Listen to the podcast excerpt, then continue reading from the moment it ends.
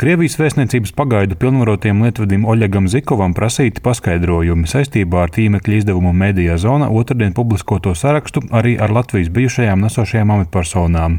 Tām, pret kurām Krievija ir ierosinājusi politiski motivētas lietas saistībā ar lēmumiem par padomju pieminiektu nojaukšanu un viņus izsludinājusi starptautiskajā meklēšanā. Krievijas prakse attiecināt savu nacionālo jurisdikciju uz Latviju uzskatām par iejaukšanos Latvijas iekšējās lietās un ir klajā pretrunā ar apvienoto nāciju organizācijas statūtiem, norāda ārlietu ministrija. Krievijas vēstniecības pagaidu pilnvarotais lietvedis nav noliedzis šādu krimināllietu un sarakstu esamību, jo Krievija jau 2022. gadā sākusi pārbaudas pret Latvijas amatpersonām saistībā ar pieminiektu demontāžu. Pašlaik ārlietu ministrija aicinājums rūpīgi izvērtēt došanos ārpus Eiropas Savienības un NATO valstīm mudiņu ņemt vērā ne tikai attiecīgajā sarakstā pieminētajiem, bet ikvienam, uzsver ārlietu ministrijas pārstāve Diana Eglīte. Pirms šāda valsts apmeklējuma Arī tranzītā, protams, ka mēs rekomendējam izvērtēt, eh, cik ciešas ir konkrētās valsts attiecības ar Krieviju, un kāda ir tiesiskā sadarbība konkrētajām valstīm ar Krieviju. Un, protams, būtisks aspekts arī ir eh, cilvēktiesība aizsardzības līmenis šajā valstī. Tāpēc mēs arī izmantojot šo gadījumu, atkārtot rūpīgi aicinām izvērtēt eh, nepieciešamību pirmkārt doties ārvalstu braucienos, īpaši ārpus Eiropas Savienības un eh, NATO dalību valstīm. Cilvēkiem mudinām pirmkārt reģistrēties konsulārajā reģistrā, lai ārlietu ministrija ir informēta kurā pasaules malā mūsu cilvēki atrodas, un nepieciešamības gadījumā mēs varam uzņemt kontaktu ar mūsu cilvēkiem un sniegt uh, palīdzību. Ārlietu ministrija jau aizpērnā gada nogalē informēja institūcijas un amatpersonas būt īpaši uzmanīgām ārpus Eiropas Savienības un NATO valstīm arī tranzītā. Atgādina arī valsts prezidents, toreizējais ārlietu ministrs Edgars Rinkevičs.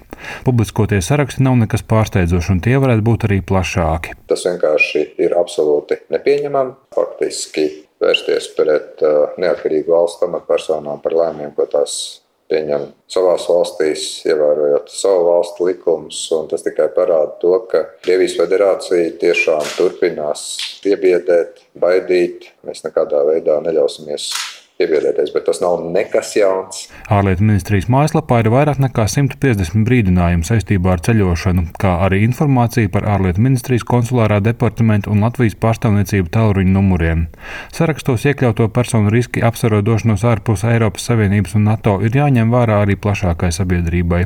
Uzsver arī Saimnes Nacionālās drošības komisijas vadītājs Ainārs Latkovskis no jaunās vienotības. Es pilnīgi pieļauju. Pirmkārt, protams, jāsaprot, ka agrāk jau arī atsevišķi zinātnieki un žurnālisti mēģinājumi doties uz uh, Krieviju vēl pirms Krimas okupācijas uh, bija redzams, ka vīzas netika izsniegtas. Ir vairākas pakāpes, teiksim, arī neielaist. Tagad saprot, ka neviens pats uz Krieviju uh, normāls cilvēks vairs neraujās, tad ir jau otrā pakāpe, nevis liekt iebraukšanu, bet izsludināt starptautiskā meklēšanā. Un, Šī informācija vēlreiz es kā Nacionālās drošības komisijas eh, vadītājs var apliecināt gan izpildvarā, gan arī deputāti par braucieniem ārpus Eiropas Savienības un NATO ir vienmēr brīdināti, ka var saskārties ar problēmām.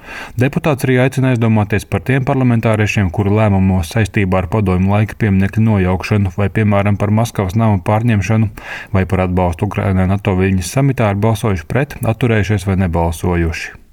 Krievijas ietekme ārvalstīs un riskus tajās uzturēties Austrumēropas politikas pētniecības centra pētnieks Mārcis Balodis vērtē kā atbildes soli uz citu valstu aktivitātēm.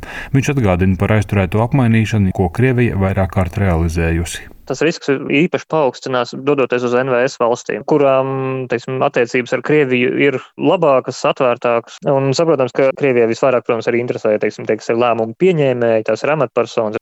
Bet, protams, arī nevajadzētu histērijā kristijā, ka uzreiz kolīdz pārkāps Eiropas Savienības vai NATO robežu reiz nozīmēs, ka uzreiz izdošana Krievijai nav gluži tā, jā, ka visas valsts ir gatavas sekot Krievijai un tās norādēm. Bet, eh, principā, raugoties ilgtermiņā, ir jārēķinās, jā, ka Krievija ir, ir gatava spērt dažādus soļus, lai nepaliktu atbildi parādā. Jānis Kincis, Latvijas radio.